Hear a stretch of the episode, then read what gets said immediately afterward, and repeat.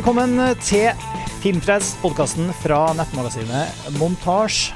Montasj.no. Jeg heter Martin Sivertsen. Jeg sitter her på Skype i dag med eh, montasjeredaktør Lars Ole Kristiansen. Hallo, Lars Ole. Hei sann. Hallo, hallo. Og eh, film, filmskribent, montasjeskribent, eh, filmmusikkviter, eh, ekstraordinær Tor Joakim Haga. Hallo, ja. Hallo. Hallo, Tor Joakim. Alle, vi er, vi er alle samla nå etter overstått ferie. Alle, alle tilbake på jobb. Eh, Og det som eh, En av de mange filmene som ruller og går på kinoskjermene nå, er jo Terminator Genesis. Og da tenkte vi det var på sin plass å eh, ta en titt på den, eh, både den filmen, men også benytte anledninga til å snakke litt om eh, Terminator-serien eh, i sin helhet. Eh, Vi har jo via en del tid til enkelte av de filmene. Terminator 2 fikk mye omtale i, eh, i 90-tallspodkasten vår. Så vi, har, vi spilte jo en hel episode da Terminator Salvation kom for um, et par år siden. Men altså Vi har, vi har nå kommet til uh, den femte filmen i det som har blitt en, en saga siden den første Terminator-filmen kom i, i 1984 da, som et sånt, eh, det store gjennombruddsfilmen til James Cameron. Og, og den andre i 1991, som var en eh, som vi, har, vi jo her i Montasj har genierklært som en av de store klassikerne i, i ja, Som jeg vet at vi har vel, sett veldig høyt og regnes som et uh, mer eller mindre ubestridt uh, mesterverk. Og så har det jo kommet da Terminator 3, Terminator Salvation, den fjerde filmen, og nå Terminator Genesis. Og det har blitt en eh, en, eh, I tillegg til de fem filmene så har vi sett en eh, i hvert fall én seriøs TV-serie, en rekke spin-offs, eh, avleggere og dataspill, bøttevis av romaner og tegneserier. Det er liksom Terminator har blitt en skikkelig, skikkelig En av de store franchisene.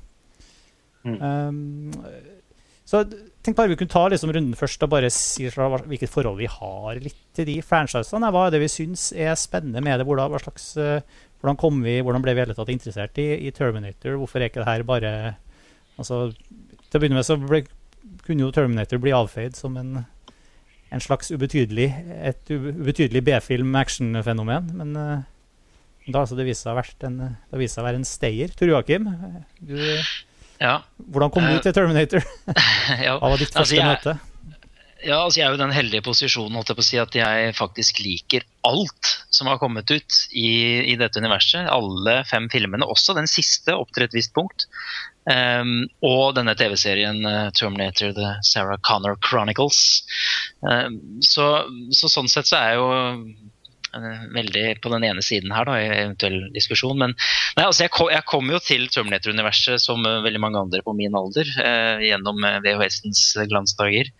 Em, og mm, jeg, kan, jeg mener jeg så Terminator på VHS, og så kan jeg ikke huske om jeg så Terminator 2 på kino, eller om den også var en VHS-sak. Men den ble liksom en del av de her kule filmene som man skulle se eh, på den tiden innenfor denne sjangeren.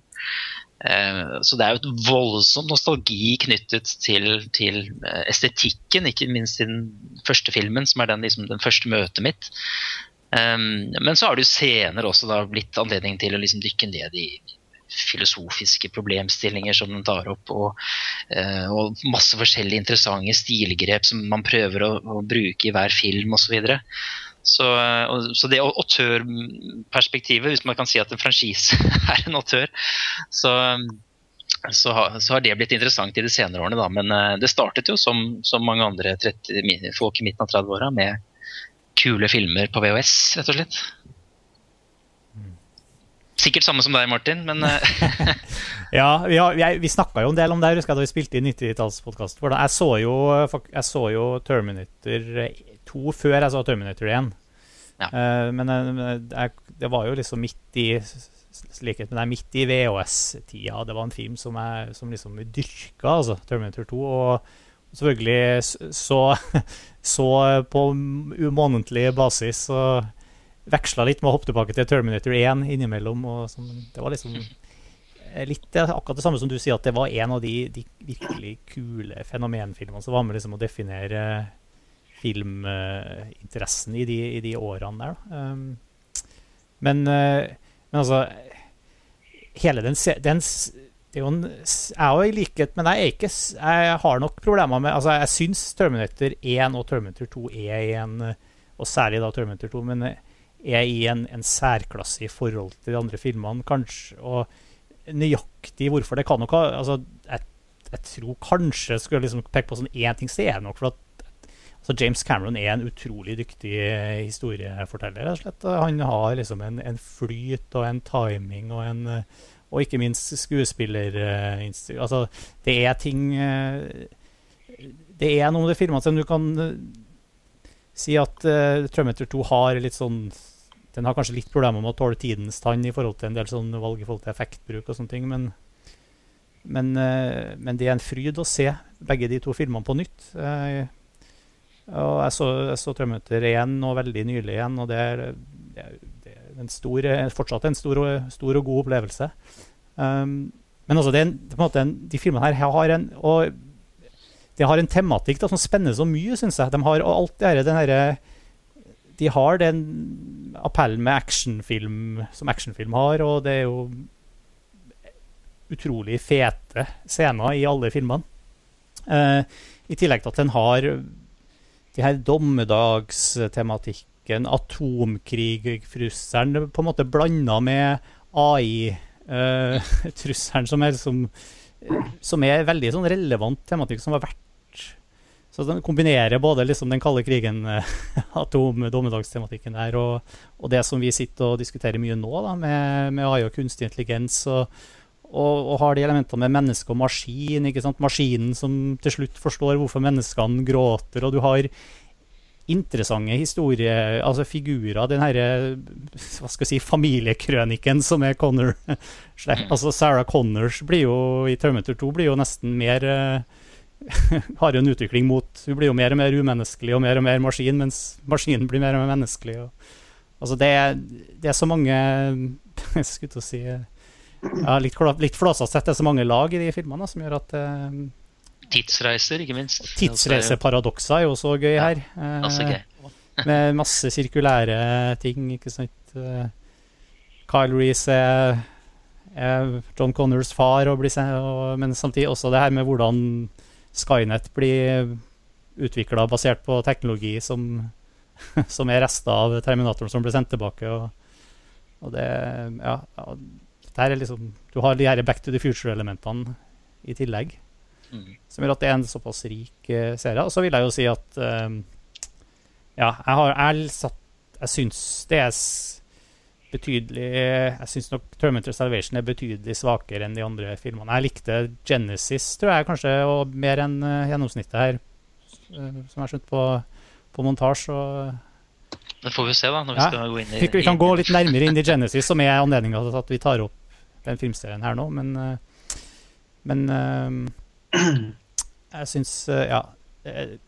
Salvation jeg ser jeg litt på som en slags sånn Jeg syns ikke den pass Den er liksom litt sånn som uh, Quantum of Solace i James Bond-serien for meg. Altså, den, uh, Det er en morsom uh, sammenligning. den er på en måte ikke en Terminator-film. Quantum of Solace har jeg alltid tenkt på som en, nesten som en sånn spin-off-film. Ja, litt som den Never Say Never, den uoffisielle Bond-filmen. ja, ikke sant? Det er, Forferdelig. den er litt på sida. Den hører liksom ikke inn. Pass, Jeg er veldig glad i den, passer ikke inn. Er det? Ja, ja, det er det. Det er noe med hele det ørkenlandskapet der. eh, Og, og eh, ja. Jo, altså den fysikaliteten, det syns jeg alle filmene har. En veldig sånn fysikalitet. Og, og selv om det sikkert er masse CGI etter hvert, så er det altså Det føles så tungt og mekanisk, og det, ting krasjer, og det er eh, Og det syns jeg også Salvation har, altså. Ja, den er me mekanisk, og det er store maskiner. Det er, ja, det er tungt. Og det, ja. På Never Say Never, Joakim? Eller? Nei, du snakker om, om Nei, nå Terminator Salvation. eh, nå. snakker jeg om Salvation, ja. Ja. Ja. Beklager. Men eh, jeg, eh, da, da, ja, da var det ikke så morsomt. Jeg kan egentlig ikke uttale særlig om Terminator Salvation, for jeg så aldri den filmen ferdig. Eh, Det var ikke fordi jeg var så trassig at jeg syntes at de første, den første halvtimen var så forferdelig at jeg ikke ville nedverdige meg til å se resten. Jeg jeg, jeg, fikk ikke sett den på kino. eh, kjøpte den faktisk på DVD, eh, begynte å se den, og så ble jeg avbrutt. Eh, og noen ganger er det faktisk sånn at det er veldig vanskelig å sette på filmen igjen. Fordi dagene gikk, og så så jeg andre filmer i mellomtiden, og så ble den bare liggende. Og det var vel da noe et eller annet der som kanskje ikke fenget voldsomt, da. Sånn umiddelbart, i hvert fall. Men den filmen kan jeg egentlig ikke uttale meg noe særlig om. Uh, men ja. Det var vel uh, nesten en men det, Det var ellers, vel- så, du hadde vel ikke de samme VHS-opplevelsene som vi hadde, sannsynligvis? Uh, Nei. Du ligger noen år etter. Jeg gjør jo det. Ja. Eh, Men eh, det er litt sånn både òg. Jeg hadde litt Jeg hadde Oi. Jeg husker faktisk VHS-en. Eh, Jeg hadde, jeg hadde masse masse VHS, for jeg samlet på film eh, på, allerede på barneskolen. Og eh, like ved der hvor jeg bodde i Halden, ikke så langt unna, i hvert fall så er det et sted som heter Det høres jo skummelt ut i, seg selv. Refne. Og der ute på Refne så var det et par kompiser som hadde noen kjellerstuer hvor det var omfattende VHS-virksomhet. Eh, også da filmer som, eh, som hadde en eh, langt høyere aldersgrense enn enn det man kunne leie på um, leie i videobutikken. Vi hadde jo tilgang til Svinesund, og der fikk man jo kjøpe stort sett hva man ville. Så Terminator 2 i svensk VHS-versjon, den, eh, fikk, eh, den fikk jeg for første gang møte i en kjellerstue der ute på Restene. og, og, og det var jo en veldig stor opplevelse. Da. da var jeg vel kanskje ti år, tenker jeg. Eh, det var jo helt klart noe av det mest voldsomme jeg hadde sett. Og eh, det tok vel ikke mange ukene før jeg fikk meg filmen selv også, og da så jeg den mange ganger. Så det er en film jeg kan koste på meg å si at jeg har et ganske nostalgisk forhold til, selv om jeg selvfølgelig ikke opplevde den når den kom på kino og sånn, da. Dette var jo da i Altså, Nå kan dette ha vært sånn 97-98 eller noe sånt nå, så det var jo en del år etter. Jeg, jeg, jeg, bare skyte. Jeg tror faktisk jeg har i en kasse den gamle VHS-kopien min, som er en sånn hjemmelaga Jeg har i hermetegn Libanon-kopi, eller en eller annen sånn Ja. utrolig shady um, piratkopiert uh, tredjegenerasjons, femtegenerasjonskopi, eller et eller annet sånt med sånn hjemmelaga cover hvor jeg liksom har klippet ut uh, Arnold sitt oh, ja. todelte ansikt fra et eller annet sånn filmmagasin, glossy magasin, og liksom lagd en- tatt meg gjort meg ordentlig flid med å lage mitt eget cover til den filmen. ikke sant? Så, uh, Så vakkert. Det er ja. Jeg kjenner meg igjen i det. Der, eh, jeg har en kamerat som er eh, noen år eldre enn meg, som også er fryktelig begeistret for Terminator 2, så vi ender ofte opp med å snakke om den filmen. Eh, og jeg vet at han også klarte å få tak i en VS-kopi som var liksom eh, så langt ute altså det, det var så mange kopier imellom den og originalen. Altså, at det var liksom som å se gjennom mange liksom, slør. Som så han kunne skimte filmen langt der bak. Det var like fullt en kjempestor opplevelse. Etter å ha gått i årevis og ventet på den sagnomsuste Terminator 2. Etter Terminator 1. For meg, jeg visste nesten ikke om Terminator 1. Eh, Det er ikke sant, for det gjorde jeg. eh, Men Terminator 2, det var på en måte ikke Det var ikke helt noe sånn selvsagt for meg rundt at det var en, var en oppfølger som sto eh, Sto i noe slags tjen... Ja, jeg følte, følte ikke at det var noe forpliktelse den, mell, å, å se den første filmen. Ja, veldig merkelig. Eh, men sånn var det i hvert fall. Jeg, jeg så Terminator 2 igjen og igjen og igjen, men vurderte nesten ikke engang å oppsøke den, den første filmen. eh, før jeg da ble et par-tre år eldre. Eh, den første filmen var, er jo en liten nedtur, selv om man er tenåring. på en måte. Ja da, og det var det også. Ja, hallo, ramla du ut? Ramla Lars Ole ut? Ramla Nei. Nei, jeg tror ikke. Der er du. Nei, den eh, fikk jeg vel eh, på um, Den så jeg faktisk på DVD. Det var en av de første DVD-ene jeg kjøpte. og Da var det sånn 13-14 år, tenker jeg. Og Da fikk jeg sett den, og ja, den var en skuffelse. Eh, men jeg vokste meg veldig til å like den nå, og i dag syns jeg det er en kjempefilm. Eh, så, um, så, så den har liksom den, den, den, den fikk, også, fikk et forhold til den også med, med årene, men det er helt klart Terminator 2 som, som, som er filmen som er viktig for meg, og årsaken til at både Terminator og Terminator 2 den dag i dag fortsatt uh, er filmer som jeg setter veldig høyt. handler jo veldig mye om, eller kanskje ene og alene om, James Cameron. da. Jeg syns han er en fantastisk filmskaper med en, med en energi og en, og en måte å kunne fortelle med, på, særlig gjennom altså Han er en fantastisk bildeforteller, da, bare gjennom kamerabevegelser og klipp. Og, så, så klarer han å fortelle mye av filmene sine gjennom visuell informasjon. Um, og har en, en, en, sans for rytme som jeg syns er helt enestående. Jeg vet ikke om noen jeg syns lager bedre action enn James eh, Cameron. Han er jo helt suveren. Han, og han var jo Det der var jo på en måte altså Terminator. Også den serien med filmer hans altså Fra Terminator til, til, Aliens, ikke sant? Og The Abyss og, ja, ikke sant? og The Abyss og Terminator 2, bare for en serie med alle filmer, bortsett fra vel Piranha 2 og True Lies, så er jo alle filmene helt enestående bra. Og Nei, så, så, det handler veldig mye om uh, det, det, er jo, og det er jo, liksom, det er jo også hans univers. Og, og, det er heller ikke vanskelig å se Terminator-filmene eh, i lys av, de, av, resten av filmografien nei, til James Cameron heller, da. Var det, det ville skyte inn der. fordi at når du, Rise of the Machines, den tredje filmen, syns jeg får litt uh, altså den, den, er bedre enn sitt rykte, føler jeg. Uh, Jonathan Mastow, som både har, bruker sin egen eh, synes jeg, fin visualitet, som han dyrket i sånn som Breakdown og U571. Men også litt den her Cameronske eh, fortellerstilen, da, altså, som gjør at den føles ganske bra, syns jeg. Jeg har alltid likt den. Nummer tre spesielt. Ja, den, er ikke, den er litt sånn som Alien 3. Den er liksom der i serien. Ja, Alien 3 er jo enda mer, det er enda mer eh, preget av sin regissør, syns jeg. da. Ja. Men, eh, men den, den, den, den, er liksom det, det, er, det, er, sånn godt driv i den. Altså. Jeg syns den er eh, en strålende film.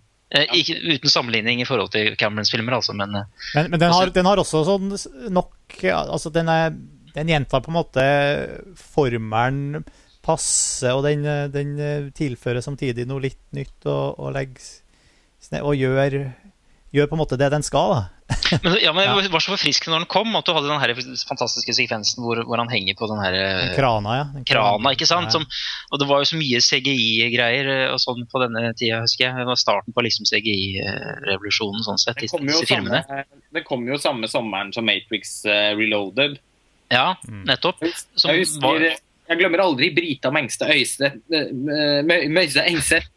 Nesten frådende i, i, en, uh, i en, Terminator 2-skjorte på absolutt underholdning på TV2 nesten eksplodere av glede uh, over at uh, Terminator 3 var så super som hun syntes det etter å ha blitt fryktelig skuffet over CGI-smøreriet Matrix Reloaded. Jeg var riktignok av en annen oppfatning. Jeg syns Reloaded er en og til dags dato er en mer spennende film å se enn på tross av den svakheter. En mer spennende film enn Terminator 3. Men jeg, altså på mange måter er jeg litt enig. Det skal sies at første gangen jeg så filmen, det var faktisk den aller første filmen jeg så på pressevisning. Um, og tok toget inn til Oslo fra Halden og, uh, for, uh, for, uh, for, å dra på den pressevisningen. Og da var jeg nesten så skuffa at jeg nesten var på gråten etterpå.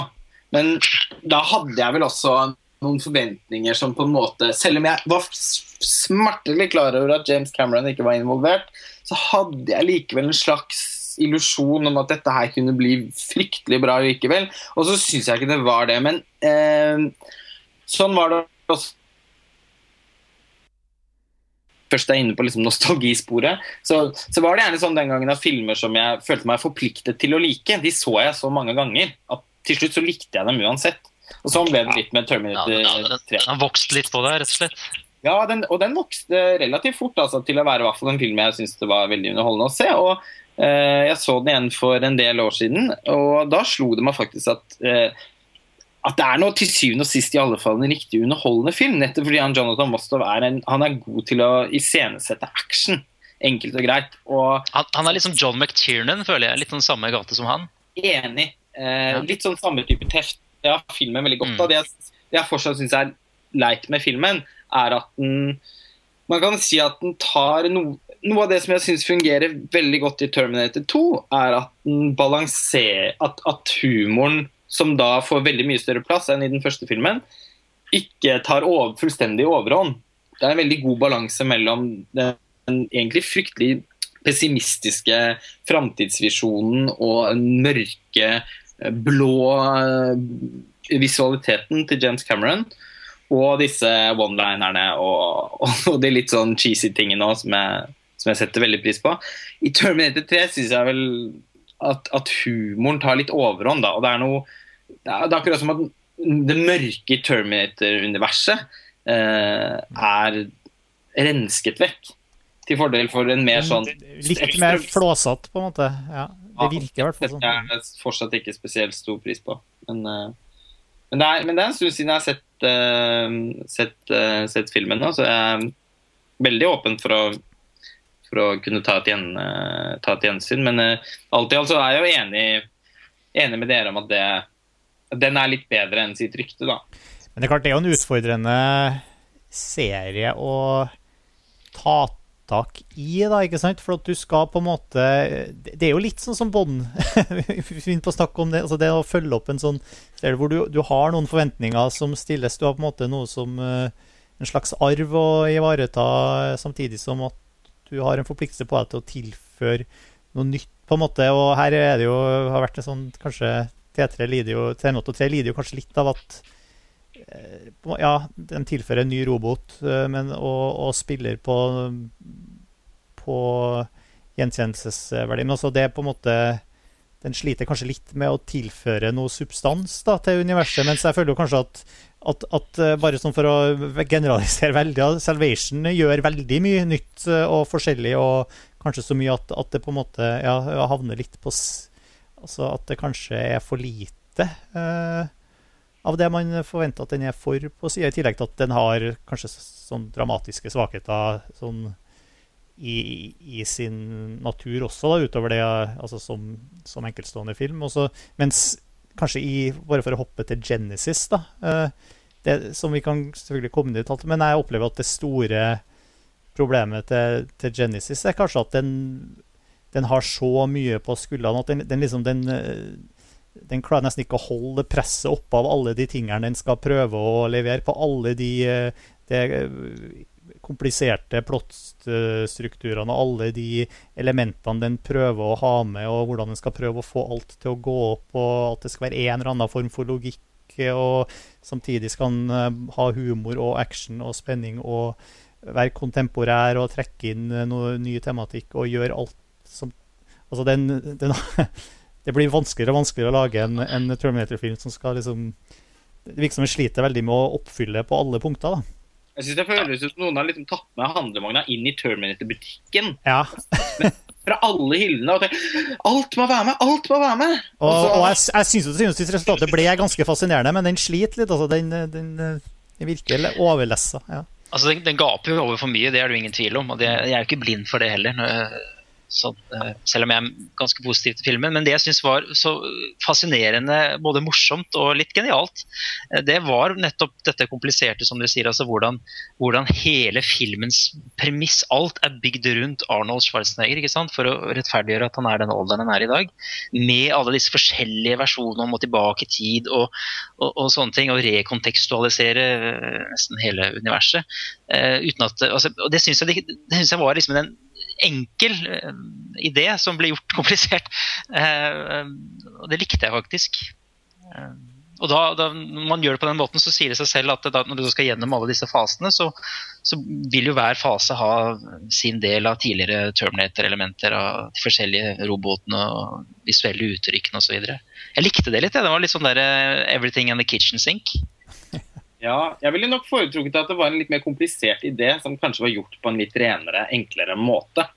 Uh, jeg ja. følte at den, den graden av, av, kompleksitet som var i den filmen, det syns jeg Nei, vet du, den, den, jeg mislikte filmen veldig, da, men det er sikkert uh, mange av lytterne våre fått med seg hvis de har lest uh, min uh, omtale av filmen på montasje, som jeg skrev like etter den pressevisningen. Men jeg har veldig problemer med at jeg føler at Terminator-serien har liksom Den har bare mistet hele sin sjel, da. Uh, Terminator Genesis blir veldig som produkt, syns jeg. Som, som, med noen sånne tynnslitte Med sånn rad og rekke med noen sånn tynnslitte greatest hits som skal liksom få blodpansen til å til å gape av, av begeistring. Men det, jeg føler ikke at filmen har noen egentlig historie å fortelle. Og jeg føler heller ikke at den klarer å utvide universet på en spennende måte, eller utforske konseptet, heller ikke tidsreisekonseptet, på, en, på en spesielt spennende måte. Jeg syns ikke den fungerer særlig godt som en hyllest i de tidligere filmene, selv om den eh, veldig altså overtydelig henviser til Det er ikke snakk om at den henviser til engang. Den gjenskaper jo scenen fra Nettopp. altså Den ene delen av filmen er en pastisj på den første Terminator-filmen. Eh, veldig flott, da, den der når du skal gjenskape det urbane, blålige neonlandskapet der i, på 80-tallet. Det ja. synes jeg var veldig flott. det var litt flott. Eh, det, det, var litt sånn Carpenter eh, ja. som rev i nesa der, som, som, jeg også kunne sette pris på. Men jeg, jeg så Terminator 1 da i, i dag. Hadde et gjensyn med den i dag. Eh, akkurat samme som meg, Lars Ole. Jeg har også sett den i dag. ja, det var sånn den jeg følte at jeg hadde lyst til å se. Ja, ja, selvfølgelig. Jeg å rekke opp å sette alle, Derfor har jeg da ikke fått sett Terminator 3 igjen og ikke Terminator Salvation.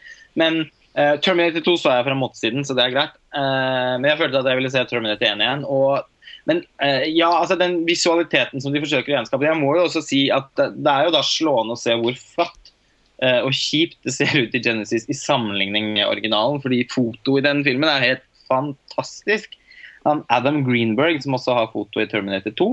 Men det, er, det slo meg da første gangen jeg så filmen på Blu-ray, som de da har restaurert Eh, på en veldig flott måte. Og i all verdens land og rike så flott filmen ser ut. Lyssettingen er sånn fantastisk stemningsfull.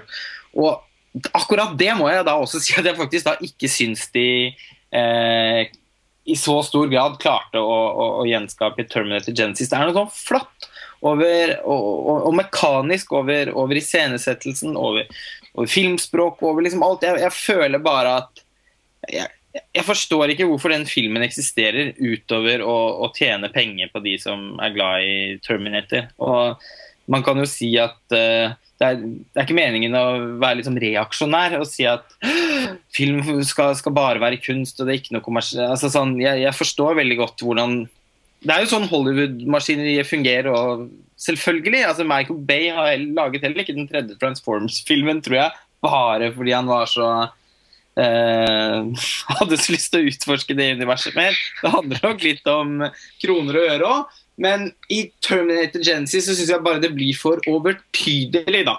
Jeg føler, jeg kan se for meg liksom møterommet med forslagskassa som går rundt. Og, og ja, hva, Men har vi, har, vi, har vi, fått en Terminator-film, dere? Nei, ikke helt ennå. Vi må ha med det og det og det også. Okay. Igjen så syns jeg Bond-parallellene virker jo, men, altså, litt sånn relevant. Ja. Ja, men altså, hvis du kjøper det konseptet som jeg var inne på i stad, at Arnold er utgangspunktet for, for, denne filmen Han er tilbake, han har vært eh, sånn, ikke regissør, hva heter det, guvernør. Eh, og har begynt å gjøre masse filmer igjen. Eh, til og med utforsket nesten kunstfilm med den strålende filmen Maggie. Ja, strålende og strålende, den var god i hvert fall. Eh, I år.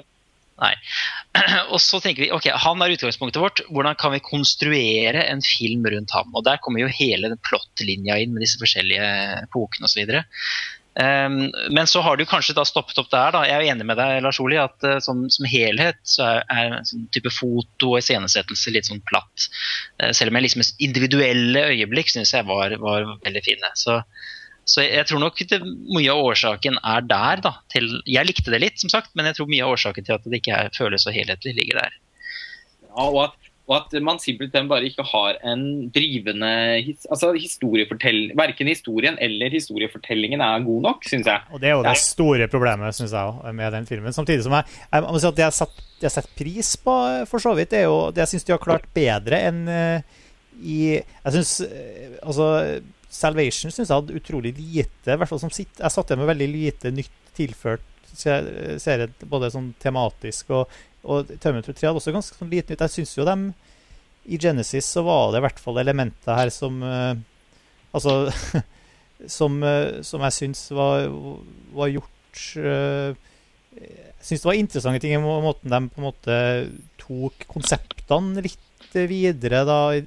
Selvfølgelig ikke, nå er det altså ikke bare eh, det med å sende stadig mer eh, avanserte maskiner fram og tilbake i fremtiden og, og, og slåss med hverandre, men, men, men altså eh, At det, det med å John Connor, tenker altså, du på? Ja, nei, så Det med å trekke inn Skynet mer som en rollefigur syns jeg er på en måte en riktig ting En fin et fint element med den filmen. Da. Selv om det hvor bra det til og sist funka, kan man alltid diskutere. Men altså, det, det ultimate datanettverket som liksom ser alt og alle, og den ultimate AI-en som Altså, De måtte ha gjort nedtellinga til Judgment Day på en måte, til dommedag gjort om til nedtelling til en produktlansering. Jeg syns det var et ganske fint grep. altså Noe vi hele menneskeheten omfavner med hud, og vi vet ikke Altså, det her nye operativsystemet, Apple-parallellen eller Google-parallellen, er jo liksom Altså, folk står i Vi vil ha det. Vi aner ikke hva det er for noe, men vi vil ha det. Vi kan ikke vente til det kommer. Vi bare Altså, jeg, jeg, jeg syns de elementene var på en måte Jeg syns det var en fin ny En fin retning å ta det i, og at, at den herre John Connor eh, syntesen egentlig med, med Skynet, altså den herre menneske og maskin som har kjempa mot hverandre nå i fire filmer i Genesis. På en måte Det ligger en slags sånn syntese der. da, Den her nye, nesten nye generasjonen er på en måte en, en, direkte en mer sånn uh, genetisk, uh, nanoteknisk uh, fusjon, blanding av menneske og maskin, som Litt sånn som de gjør egentlig i slutten i Matrix-trilogien til slutt òg. Men jeg synes de, de, rett, de retningene synes jeg på en måte er relativt spennende. Selv om det, det også drukner litt, selvfølgelig, i den, i den ja. store salaten som er Terminator Genesis. Men, jeg syns jo ikke at alt på død og liv skal nødvendigvis være så veldig aktuelt. Da. Det er veldig logisk hvorfor de har gjort det sånn, for det er jo det som, mye av det som skjer i dag. Men ja. eh, akkurat, akkurat, det aspektet var ikke sånn eh, veldig Det var, var, ikke det som jeg satt hjemme som, som høydepunktet med filmen. Altså, her, da, da er det mer disse enkeltøyeblikkene, disse ja, actionsekvensene var oppfinnsomme i stor grad. Over the top, selvfølgelig, men det, det, er, det er det jo Syns du de var så oppfinnsomme? Jeg syns de var veldig kjedelige.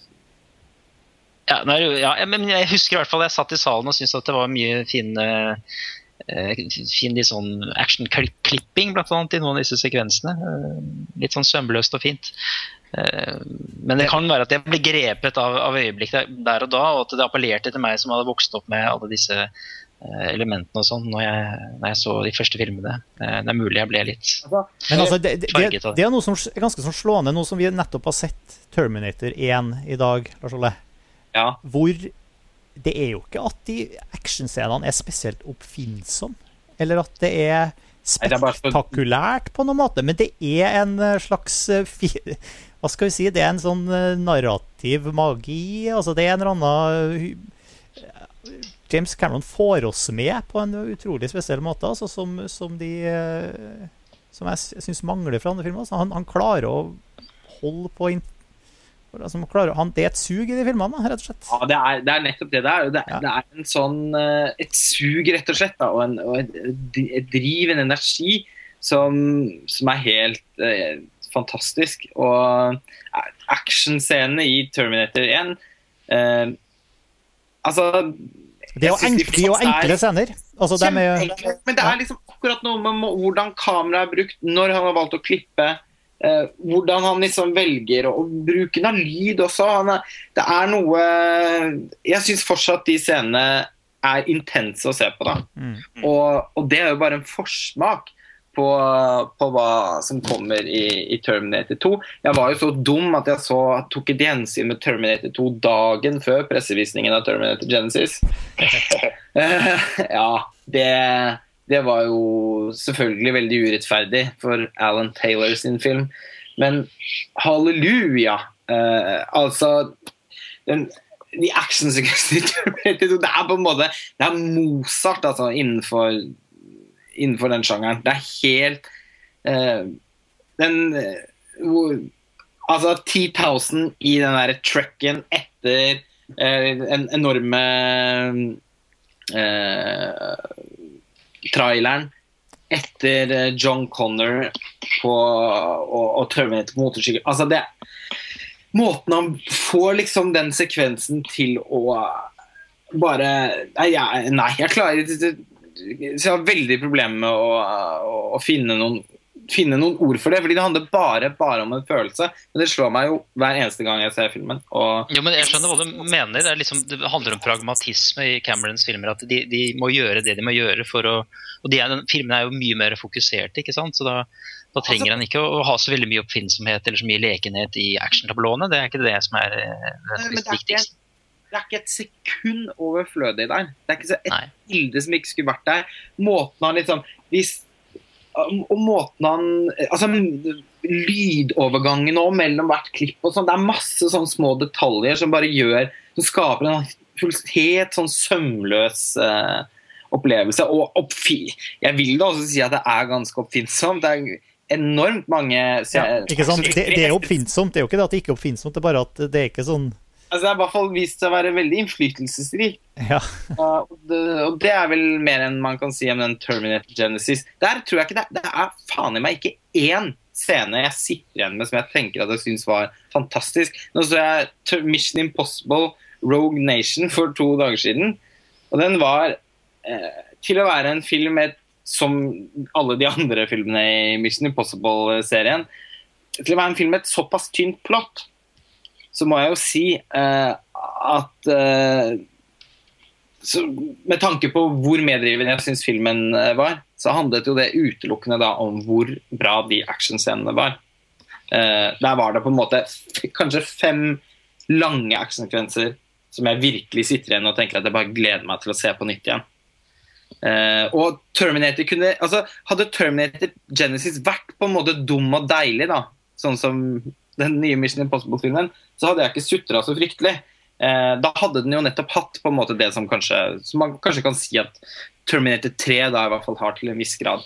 Men sånn som i hvert fall jeg opplevde filmen, så syns jeg verken det ble fugl eller fisk. Jeg syns ikke den var smart og spenn tematisk spennende. Eh, jeg syns ikke den var spesielt morsom. Jeg syns ikke den var eh, audiovisuelt eh, verken eh, original eller eh, meddrivende. Den var på en måte Jeg føler at hver gang jeg snakker om filmen, så, så ser jeg den enda Men jeg, jeg må jo faktisk innrømme at jeg flira jo høyt mye i løpet av den filmen. Ja, jeg, også. jeg jeg, jeg, had, jeg koste meg veldig i kinosalen med den, selv om jeg er på en måte Ja, jeg syns også den her ja, Vi har, vi har snakka mye om svakhetene i filmen, jeg er jo enig i mye av mesteparten av det òg. Men jeg syns absolutt det var en, en det, var, det var jo absolutt ikke noe ufilm, syns jeg. Nei, jeg, har- jeg har også en endeløs fascinasjon for Arnold Schwarzenegger. Eh, jeg, tror, jeg tror at det betydde mye for meg når jeg så den. Altså hvordan, hvordan de hadde for det første altså, brukt effekter for å få Fantastiske effekter på 90-talls-Arnold. Han så ut som han var henta fra 90-tallet. Um, og, og, og, og hans møte med seg selv, den herre møtet oppe på, på det herre eh, altså, observatoriet, hvor han slåss mot T800. Slåss mot den yngre versjonen av seg sjøl. Yngre og eldre. Og, Det var jo veldig vellykka, faktisk. Mm. ja, altså Hvis man er fascinert av han som en figur, eh, ikke nødvendigvis som en skuespiller, men som en, en, en figur, eh, så er det masse deilig i denne filmen å boltre seg i, syns jeg. Har du eh, Jeg fikk faktisk på lyd nå, sitter jeg her eh, ved, skrivepulten på kontoret mitt. Så jeg fikk da faktisk selvbiografien til Arnold Schwarzenegger på lydbok til jul. Oi. Yes. Har har han lest den sjøl? I forfjor. Nei, altså han Ja, altså han I wanted to do abida, but uh, ja. ja, for det er nemlig sånn at han leser eh, Jeg tror han leser den første, for jeg hørte et godt stykke før jeg til slutt ga meg, så har jeg ikke fått tatt opp tatt, uh, funnet tilbake til den igjen, da. Uh, det var veldig interessant. Men han leste den første halvtimen eller noe selv, og så er det han Steven Lang, skurken fra Avatar, som, som tar over etterpå. Mhm. Den heter altså Total Recall. Åh. My Unbelievably True Life Story. Den er sikkert noe for deg, Tor Joakim. Åh, den må jeg høre, eller lese eller høre hva jeg skal. Jeg, jeg husker vi, jeg var sammen med guttegjengen eh, og så på premieren da, på True Lies, da den hadde premiere i Trondheim. Ja. i sin tid. Og da, da, første scenen når Arnold viser ansiktet sitt, dukket opp på skjermen første gang, så da var liksom reist hele raden seg og hadde stående applaus. Så, så, så Arnold-fans var vi.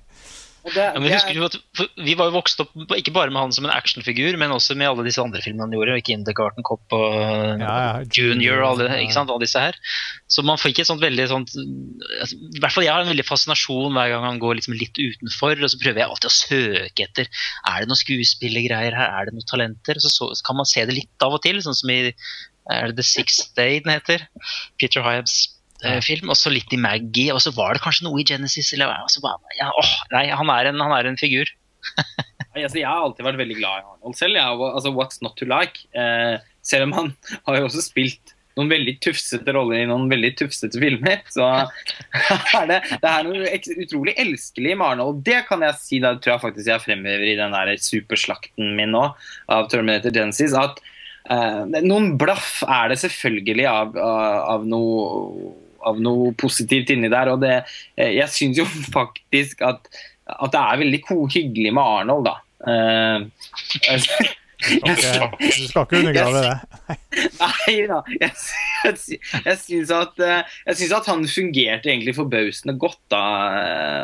Han, han var liksom, liksom en sånn museumsgjenstand.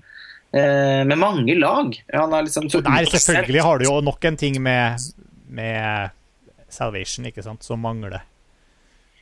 Ja, da er det bare CGI-versjonen. Ja, ja altså, han, Arnold er jo Ja, ja, det er greit at det er med en sånn digital slåsskamp på slutten, men uh, altså, ja. det elementet mangler jo også fra den filmen. ikke sant? Det er ikke noe Arnold Det er ikke noe Arnold-trivsel. Ikke noe Nei.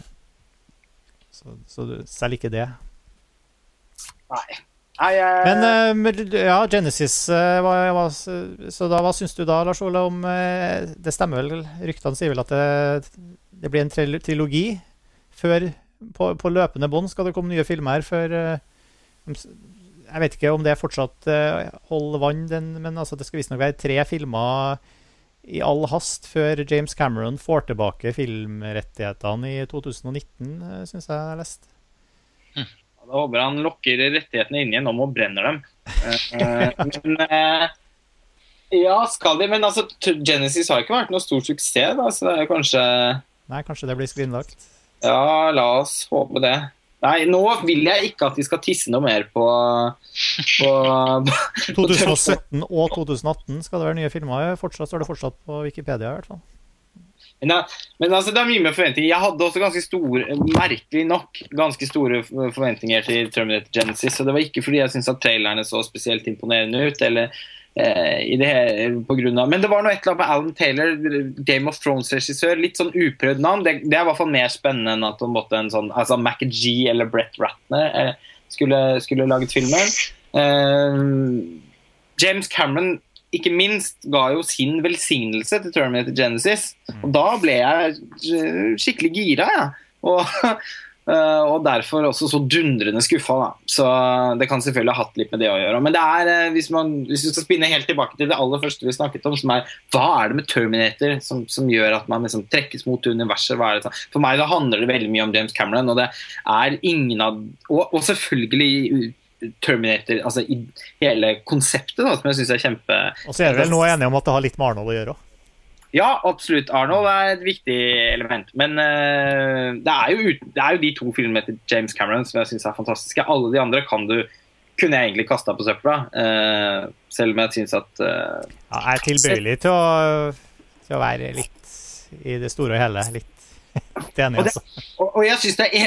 og, noe av årsaken til at jeg syns Terminator-filmene blir interessante utover altså sånn, Etter å ha sett dem så mange ganger òg, er jo at jeg syns det er fascinerende hvor liksom eh, i hvilken grad de er en del av et liksom større kunstnerisk prosjekt som James Cameron har. Én ting er, hans, eh, er jo hans, stilen hans, eh, som er umiskjennelig. Men og som vi allerede har snakket gjevt om i forbindelse med disse actionsekvensene og sånn. Men det handler også liksom om Camerons blikk på fremtiden. Han har jo laget veldig mange science fiction-filmer, og hans blikk på fremtiden er liksom udelt pessimistisk. det er alltid en visjon om en, om en ruin. Være seg koloniene menneskene søker seg til på den fremmede planeten i Aliens. Eh, fremtidsvisjonen Judgment Day eh, da, i, i Terminator-filmene. Epilogen i The Abyss. Eh, invaderingen og, og, da også ødeleggelsen av den eh, Jo, men, eh, men håpet og veien ut ligger alltid i nåtida. No fate Ja. but what we make. Ja, sant? Ikke sant? Det er der, vet du. Det, Som og det Ja. Han har jo um, Nei, det, han har den veldig bleike Bleike fremtida, men det er jo alltid en eh, noen er jo som tar ansvar i, i nåtida. Mm. til og med Titanic er jo hvert fall et slags symbol på teknologiske fremskritt. Eh, og, og, og, og som synker. Eh, den, den hybrisen som menneskene gjennomgår idet de mister kontrollen over, eh, over eh, teknologien som de trekkes mot, det syns jeg liksom er en gjennomgående tematisk tråd i filmene hans. Eh, som, eh, som gjør at det blir en sånn gjensidig befruktning mellom dem eh, som, som, er, som jeg syns er veldig spennende. Da. Og og jeg synes også det er litt morsomt at James Cameron på en måte er så teknologipessimistisk. fordi det er vel det er kanskje ingen filmregissør som er så opptatt av teknologi som James Cameron. Det er litt på samme måte som med Stanley Kubrick, som eh, etter hva man skal tro brukte halve livet sitt på å sitte og skru på duppeditter. Var enormt opptatt av tekniske ting og kamera, optikk, og eh, som også da eh, som konsekvent eh, viste en ganske sånn teknologifiendtlig eh, holdning i, i filmene hans. I hvert fall de filmene som, som, som i en eller annen grad tok opp noe som hadde med fremtiden å gjøre. 2001 selvfølgelig, som, som, det, som det mest kjente eksempelet. Men uh, jeg syns jo det er litt fascinerende at han ser så dystert på, på den teknologien som han selv uh, bidrar til å utvikle. Han, er jo, altså, han lager veldig sjelden film. Det må jo sies, det var jo en stund hvor jeg følte at vi mister James Cameron som filmskaper. Mellom Titanic og Avatar. Så ble han jo bare opptatt av å dykke under vann. Uh, lagde disse to nokså middelmådige underhavsdokumentarene. Og, og jobbet masse med Men du, Aliens of the Abyss, er det den du snakker om som middelmådig undervannsdokumentar? Den er bra, den. Den syns jeg var helt fantastisk. Mm. Mhm. Ok, kanskje det er gjensyn. Eh, jeg, Ja. jeg, ja, jeg jeg, jeg gjorde ikke så voldsomt inntrykk på meg, men det er mange Det år siden. jeg, jeg var nesten på gråten over. Så Den har, jo masse, har jo masse lag med både det, alt det tekniske og utforskningen og spenningen knyttet til det, og historien om Titanic. Ja, det er jo masse hele. Det er jo den reneste Ja, det er jo en slags Cameron-film. eh, Drama, dramatisk. Ja, ja, ja, ja, eh, absolutt. Det er nesten som en fiksjonsfilm eh, også. Men Nei, det var ikke En populært Det var veldig feil. Men nå har jeg ikke sett den Titanic-dokumentaren hans, så mulig at den er middelmådig. Mm. Det er for National Geographic, tenker du på? En Aliens of the Deep. Eh, Han har en som heter Aliens of the Det er kanskje The Deep? Ikke, ikke Aliens. Uh, Ghosts of the Abyss. Er det ikke Ja, det? Det er den første, og så lagde han Aliens of eh, the Deep etterpå. Å ja, ok. Ja. Jeg tror det er den Aliens of the Deep som jeg snakka om, som jeg falt sånn for. Ja. Den er det. Mm. Ghosts of the Abyss mente det var en blanding av Ja, Ghosts of the, Ab- eh, the Abyss, tenker Nei, jeg på. Nei, of Abyss har jeg ikke sett. Jeg har bare sett en Aliens of the Deep. Mm. Ok. Jeg, nei, nå ble jeg veldig motivert til å Det er, det er flere år siden jeg, siden jeg så det, så kanskje jeg burde gi det en ny sjanse. Når dere var såpass be, begeistret. Men jeg var i hvert fall aldri helt jeg husker, jeg husker i hvert fall ikke jeg, jeg, jeg følte ikke på noe tidspunkt at det var en slags kompensasjon For at man ikke ville spille film. Nei, den så jeg, jeg så den, den Aliens of the Deep så jeg bare for et par år siden. og synes det så- Aliens of the Deep? Den fin- altså, altså, Ghosts of the Abyss fra 2003 kjenner jeg til, men Aliens of the Deep har jeg aldri hørt om. Nei, sjekk ut den. 2005. ut. Ja. Den uh, syns jeg var både utrolig spennende, utrolig fascinerende og rørende. Og nei, alt. Den hadde, Mm. hadde alt. Altså. Ja. Her må jeg eh, her må jeg ta en uh... Nei, men det- altså, fra spøk til alvor. Jeg har fryktelig, lyst til å, til å se dem igjen. Men jeg må bare si, si en ting som når Lars Ole snakket i stad, jeg er jo helt enig med han at Terminator-filmene som helhet har jo ikke de, de samme autøravtrykkene som f.eks. Alien-serien. Det er naturlig å trekke den parallellen, hvor hver film er veldig preget av sin regissør. Hver av de fire filmene, i hvert fall. Uh, og Prometheus, selvfølgelig. Nå ser jeg bort fra de Alien versus Predator-greiene. Um, og, og, det har jo ikke dette universet i samme grad. Altså, de har de to første til Cameron, og så er det jo mer at de prøver å, prøver å, å, å om ikke kopiere Cameron, så bruke elementer av han da, i, de, i de tre andre filmene. Uh, men det som jeg syns er så fint, er at alt er så solid, syns jeg. Til og med den siste syns jeg er, liksom, det er så, så solid actiondrama, og jeg tror mye av det er pga. konseptet som Cameron utviklet opprinnelig, at det er noe som er lett å inspirere. Eh, se på denne TV-serien, fantastiske TV-serien Sarah Connor Chronicles, f.eks. Ja, den satte jeg også veldig pris på, i likhet med deg. Mm. Ja. Den har jeg heller da ikke, ikke sett. Så den uh, burde jeg se, altså. Men, men det er en annen serie som heter The Terminators, som jeg så Okay. Jeg så i åtte minutter på, eller noe sånt, for jeg bare måtte skru av. Eh, for jeg klarte ikke å se noe mer som er det, er det også relatert til dette? Det er relatert. Jeg tror nok ikke den er Eller det er vel en film, kanskje? Det er en science fiction-film. Det er ikke en serie, det er en film. Okay. Jeg tror den er helt off på sida av eh, Jeg tror den er ikke på en måte del av den franchisen, egentlig, men den den heter The Terminators, og den så helt grusom ut på de, basert på de første 80 minuttene med skuespill og Ja. En uh, mockbuster, står det. ja. ja, uansett. Uh, jeg var så vidt innom den, men uh, Muligens i forskjell fra dere, da, så har jeg da ikke zappa noe inn i altså disse, altså Sarah Connor Chronicles har jeg ikke sett. Du nevnte i stad altså, tegneserier og dataspill, og der er jeg helt uh... Jeg var faktisk på lanseringsfesten for dataspillet i Los Angeles uh, da Terminator 3 kom det samme året. Er det sant? 2003. Og da var Arnold der. Hun, eh, Claire Danes var der. Christiana Låken og um, han Stahl. Ah, hele casten var der. Og, og Hils, men hilste du på Arnold? Nei, nei. Og det skulle du jo selvfølgelig Arna var der bare bitte lite grann. Eneste som, uh, eneste som var liksom og hang i baren og var ute blant folket etterpå, var han Niksdal. Stahl. Nick Stahl ja. Mm. ja. Han var minst kjendis. Så. Ja, ikke sant? Han var det ingen som plaga, var ingen som kjente han igjen. Nei. Han er jo en av de mange da som har tolket John Connor. Det, han har hatt mange ansikter. ja, det er altså litt, litt, frustrerende for sånne kontinuitetsjunkies som meg, da, som eh, gjerne vil at alt skal henge sammen i disse franchisene. At det er andre skuespillere. Og også en av grunnene til at jeg selvfølgelig satte veldig pris på Arnolds eh, ankerfeste i, i Genesis. Eh, og hvordan de hadde løst det uten å på en måte gå så veldig på bekostning av de foregående filmene. Ja, det, er et skikkelig et rustent ankerfeste, men det. Veldig sjarmerende og fascinerende. Ja, ja, det er helt enig. Og kanskje skal vi også prises lykkelig for at de ikke har liksom hentet Edward Furlang ut fra en eller annen avrustningsklinikk for å ja, det har vært litt sånn avdanka Det har vært litt fascinerende, det òg. ja, en sånn helt Men altså, Edward Furlong, er det noen som har For nå er jeg jo på en måte spydig, bare Men uten helt å ha noe grunnlag for å være der, for jeg vet ikke helt. Er det her hvor er de nå-spalten? Ja, han er ofte der. Han er ofte der, Litt sånn overvektig og litt sånn sliter litt med noe greier som så veldig mange andre barnestjerner gjør. Ja. Men um, det, kan, ikke, altså, kan, godt være at han er god skuespiller fremdeles. Det, det han spilte i Green Hornet i 2011, står det på Wikipedia.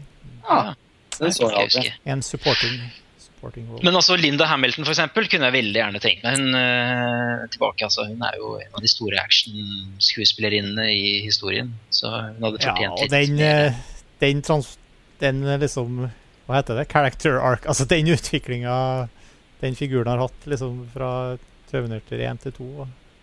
Ja. Det var jo helt, det var jo helt suverent. Fantastisk.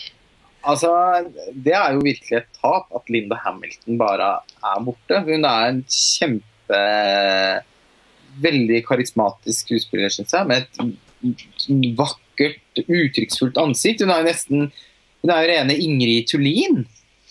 Masse Jeg føler at man kan jo litt sånn ja, jeg syns James Cameron maler med følelser i, i, ansiktet hennes. Særlig da i Terminator 2, som jeg syns er den filmen hvor hun helt klart får uh, Er hun god i Terminator 1 òg?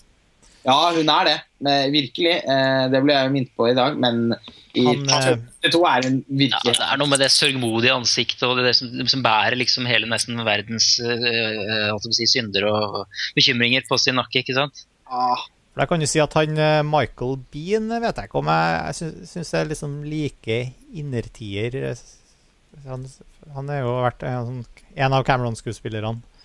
Eh, Ja, han har jeg alltid han, er, han er jo helt ålreit, liksom, men uh, og gjør jo absolutt det han skal, både her og i uh, Abyss og i eh, Aliens og alt sånt. Men Ja. eh, han syns heller ikke er noe spesielt god skuespiller, men han er veldig tøff, da. han er tøff, og han er helt, liksom, men, eh, Ja, men han, altså, han, mangler, han mangler- det lille ekstra, syns jeg. Ja, Nå kommer han jo tilbake da, i den eh, nye Alien-filmen til Neil Blomkamp. Ja. Men eh, ja, Jeg skal ikke snakke om den nå, men, eh, fått men eh. Det er litt sånn breaking news nå at Ridley Scott sannsynligvis gjør Prometheus 2 eh, Begynner innspilling bare om noen få måneder. Å, Ja, så det. Januar, tror jeg. Det, ja, det, det har vært så fryktelig mye fram og tilbake. Eh, men det var jo gledelig, syns jeg. Som i likhet med deg, Tor Joakim, men ikke på ditt nivå. Eh, så, så i likhet med deg så satte jeg veldig pris på Prometheus. Ja. Det, det, er jo en franchise som har holdt seg i hvert fall bedre, som jeg var inne på i stad, altså, som, som kunstnerisk interessante ting, da, kan du si, enn det, enn det Terminator-filmen har. Ja, og Oppskriften er ikke så fryktelig vanskelig. Det er på en måte å uh, gi Hvis man gir sånne type serier i hendene på filmskapere som, eh, som har et særpreg, og som får lov til å sette sitt avtrykk på filmene, så blir det interessant. Det er ikke nødvendigvis sikkert at det blir 100% vellykket, men interessant blir det i hvert fall. Altså, Alien Resurrection da, til Jean-Pierre Genet. Eh, ikke alle setter så stor pris på den, og man kan jo si at han eh, voldtar universet mer enn han eh, foredler det. Men likevel så syns jeg den Den er, ikke, den er ikke blass og kjedelig. Nei, det, Som en, som en Genéve-film så er den, jo, er den jo morsom, men eh, så ja, absolutt. jeg synes det er for meg er det uendelig mye mer spennende å se på enn enn et sånt pro fabrikkprodukt som, som Terminator Genesis er, da. Jeg syns jo at fabrikkprodukter kan være solide og interessante, de også. Da. De har en sånn ja, eh, de har en sånn veldig mekanisk kvalitet som Nei. ja, eller, ja. Nei, nei. Men eh, det, jo, altså sånn eh, Det er ikke for å på en måte Men bare for å si, Alan Taylor er jo ikke noe gené eller noe Fincher, ikke sant? så jeg, jeg ser, jo, jeg ser jo det, da. Ja, det er jo litt det jeg mener. Altså, hvis Idet fabrikken gir eh, oppdraget til eh, en, en kunstner, da, eh, så, blir det noe spennende. Men eh, når man gir det da Og jeg var veldig positiv til Alan Taylor, fordi han har jo regissert noen virkelig flotte Game of Thrones-episoder. Så er det man blir på en måte også påminnet om hvordan TV-seriene fungerer. Der skal man levere noe. Eh, og, og egentlig være så anonym for episode. Og det er jo forskjellige regissører på de man skal liksom levere noe så anonymt som overhodet mulig, som er etter oppskrift, som skal tilpasses en oppskrift som, som, som de har blitt gitt på forhånd, som, selvfølgelig er nødvendig for at en serie skal ha kontinuitet osv. Men jeg syns jo det var litt sånn sørgelig å se da, den, i, Terminator Genesis at han på en måte ikke hadde noen farger å, å, å, komme med. Eh, Jeg tror han er tung, tung nok. altså Han har jo gjort, jobbet masse som du sier, masse TV-serier. Game of Thrones, uh, Deadwood, fantastisk serie. ikke sant? Boardwalk Empire, Sopranos. Så det er jo, han har jo, Jeg tror han skjønner hvordan man skal lage interessant kunstneriske eh, audiovisuelle ting.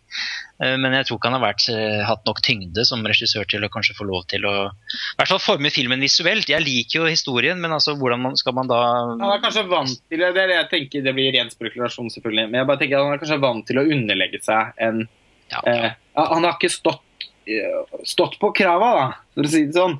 Som f.eks. si David Fincher ville ha gjort hvis han hadde laget filmen og så hadde det blitt konflikter, og så skulle han aldri jobbe med de produsentene og det selskapet igjen. Men altså, og også, er, også, er det jo rene manusutfordringer. Altså, det er jo ikke bare visualitet. og Nei, nei. Altså, se hvor helstøpt og, og, og ja, skulle til å si fullendt de, de plottlinjene og, og manusene er i de to første filmene. Hvor, eh, hvor tight de er, liksom, sammenligna med Det blir bare Det blir veldig rot, det blir så rotete og, og vanskelig å henge med på for publikum. Og, og altså det, det, jo, det har jo ikke bare med Ja. Det, det det, er dårlig, dårlig det svikter også der, altså. Ja. Ja, det, altså, det er jo det verste, syns jeg, er i utgangspunktet. Sånn, Men, men, man har heller liksom ikke hatt noe som kan ha løftet det. da. Uh, som jeg sier, den Filmen har ikke blitt dum og deilig heller, på en måte. Det, hadde man hatt en å si, det, hadde, det var litt derfor jeg nevnte Kunne kanskje bli misforstått uh, når jeg nevnte Michael Bay og, og, og Transformers 3 i stad. Uh, fordi poenget mitt med å nevne den, når jeg sa at uh, jeg er jo også klar over at den ikke, ikke bare er laget fordi Michael Bay har lyst til å utforske Transformers-universet enda mer, men også fordi at den selvfølgelig skal tjene inn penger. Men jeg syns jo det er en film da som, på tross av at den ikke har noe å komme med eh, som, som, historiefortelling. og den, den har, altså, Man kan lage en hel sjekklist med, med, svakheter i, i, den filmen. Likevel så liker jeg filmen fordi at eh, det er så, en så tydelig showcase for, for, Michael Bay. Og den har i hvert fall noen sekvenser som jeg syns er enormt Jeg husker jo fortsatt Jeg kunne godt tenkt meg å se de skyskraper-fighter-sekvensene på slutten på nytt. altså. ja, det kunne jeg òg. De sitt godt igjen fortsatt. Ja, det, altså det, nettopp. Man, man, det, det, var faktisk noe å ta med seg hjem fra Transformers 3. Eh, og det var også på det, på det planet syns jeg liksom Genesis sviktet eh, da. Nei, det er jeg, jeg, Alien-serien er på en måte eh, Burde gå fram som et, eh, som et eksempel på, på, hvordan det bør gjøres. Bruk spennende filmskapere. og så og så kan man tryne litt, da. sånn som altså, Alien 3 fikk jo fryktelig mottakelse når den kom. Men i, den har jo ettertiden sett på med litt andre øyne. I dag uh, har jeg i hvert fall inntrykk av at det er en film veldig mange liker godt. Jeg har alltid likt filmen, så Ja, ja, fantastisk. fantastisk ja. ja. Så vi er jo Det er jo, det er jo særlig den uh, Prometheus som er den store splitteren her. Mm. Ja, det, det Men, Men uh, her er jo ikke Genesis noen stor splitter heller, egentlig. virker Det som Det virker litt sånn om man er hvor på Er man på terningkast to eller fire? er vel liksom ja. det det går på der. Ja. Ja, jeg, jeg, er i hvert fall ikke noe lavere enn fire hvis jeg skulle, skulle, kastet en terning på dette her. Men, uh... Jeg er vel på en toer, jeg òg, altså. Det er ikke helt nede på eneren. Eh, det er det ikke. Så dårlig er det ikke, for all del. Det er, det er noen ting der som er helt OK. Men er liksom definisjonen på lunken. Uh, men jeg bare jeg, jeg, blir bare sånn Jeg tenker at hvis man Hvis vi avslutningsvis da kan snakke litt om hvordan vi skulle ønsket at Terminator-universet skulle forvaltes i framtiden. Og hvis de nå har tenkt til å lage to filmer til, da, før rettighetene reiser tilbake til James Cameron, og han da enten velger å å, å, å, lage en ny Terminator-film, eller si 'It must be destroyed', og så uh, er det over og ut. There is one more film that must be destroyed also. Must be destroyed also. Men jeg tenker at den eneste måten å få denne serien inn på riktig spor på, det er på en måte å gjøre som de har gjort med Star Wars nå, da. Mm.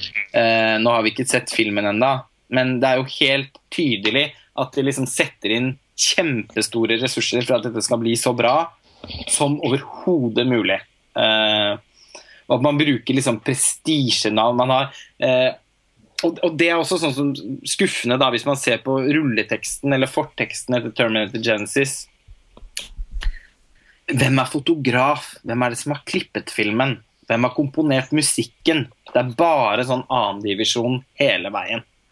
Uh, og det altså hadde man skal, jo, man skal jo selvfølgelig være åpen for at nye talenter eller folk som, som, som man ikke kjenner navnet til, uh, og kan gjøre noe helt fantastisk. Det er jo ikke det det handler om. Men det er jo gjerne en garanti for at, for at noe blir litt ekstra bra hvis man hyrer inn de beste. Eh, og skulle man virkelig tatt vare på Terminator-serien, så synes jeg man, da hadde man funnet en visjonær regissør en, en, en fantastisk fotograf, en, en, komponist som kunne gjøre ære på, uh, på Brad Fiedel sin originalmusikk. Man, og kanskje litt høyere budsjett. Og i det hele tatt uh, og, og, først og fremst da, så måtte man for utgangspunktet hatt en ny historie å fortelle. Hatt en idé om hvordan man kunne utvide universet. Kanskje også koble det mer direkte til eh, vår tid. Da, fordi det er jo veldig mye som har skjedd siden 1991. Så det er ikke sånn at eh, det ikke er mulig å, å, å, å lage noen nye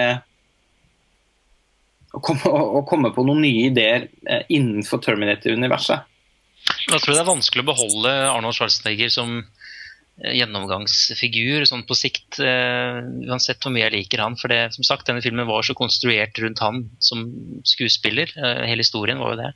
Så da må man kanskje tenke det, det, skjærer jo hjertet hos en kontinuitetsjunkie som meg, som sagt. Men man kanskje tenke litt nytt der òg, da. Nei, nei, nei, nei, Det beste som kan skje her, de, de, driter i de to neste filmene i trilogien fordi det gikk ikke så bra med Salvation. Så slipper vi noen flere sånne fra de som forvalter rettighetene her. Eh, og så får Cameron tilbake rettighetene i 2019. Så er han ferdig med Avatar-filmene sine. Og så skal han gjøre den Han vil jo gjøre det Han vil jo bryte ny cinemat. Han vil jo skape filmhistorie hver gang han lager film. Han ikke sant? Han vil utvikle ny utvikling. Så da er det den, faktisk den første virkelige big uh, heldigitale skuespiller Altså da da er det uten Da er det Arnold uten Arnold. Da er det full uh, digital uh, ho hovedrolle. Man kan jo gjøre sånn som Neil Blomkamp gjør nå. da, Ignorere treeren og fireren og fortsette ja, ja. handlingen der toeren slapp. altså, det, det er en veldig god idé, Martin. Skriv et brev til James Cameron. Nå har du sjansen. Ja. Yes, yes. Nei, Nei, men, men uh, vi får bare smøre oss med Ja, jeg vet ikke. Krysse fingrene for at det uh, ikke blir en trilogi, eller hva vi nå skal, skal gjøre, men Nei, jeg, er ikke, jeg, er ikke, negativ til den bevis. Jeg har ikke noe tro på at det skal falle, falle noe i kvalitet. Nei. Men det er min min optimisme. Ja, det er i hvert fall ikke Lars Ole tro på. Nei, det har ikke jeg noe på heller. Så, nei, altså, jeg, og jeg vil nok aldri slutte å se altså, Kommer det en ny Terminator-film på kino, så, så føler man jo nok, Vi skal nok stille opp. Vi skal nok se den neste Terminator-filmen, den neste Star Wars-filmen og den neste Mission Impossible-filmen. Ja, vi elsker franchiser. Ja da. Vi er, uh, vi er nerds. Kjør.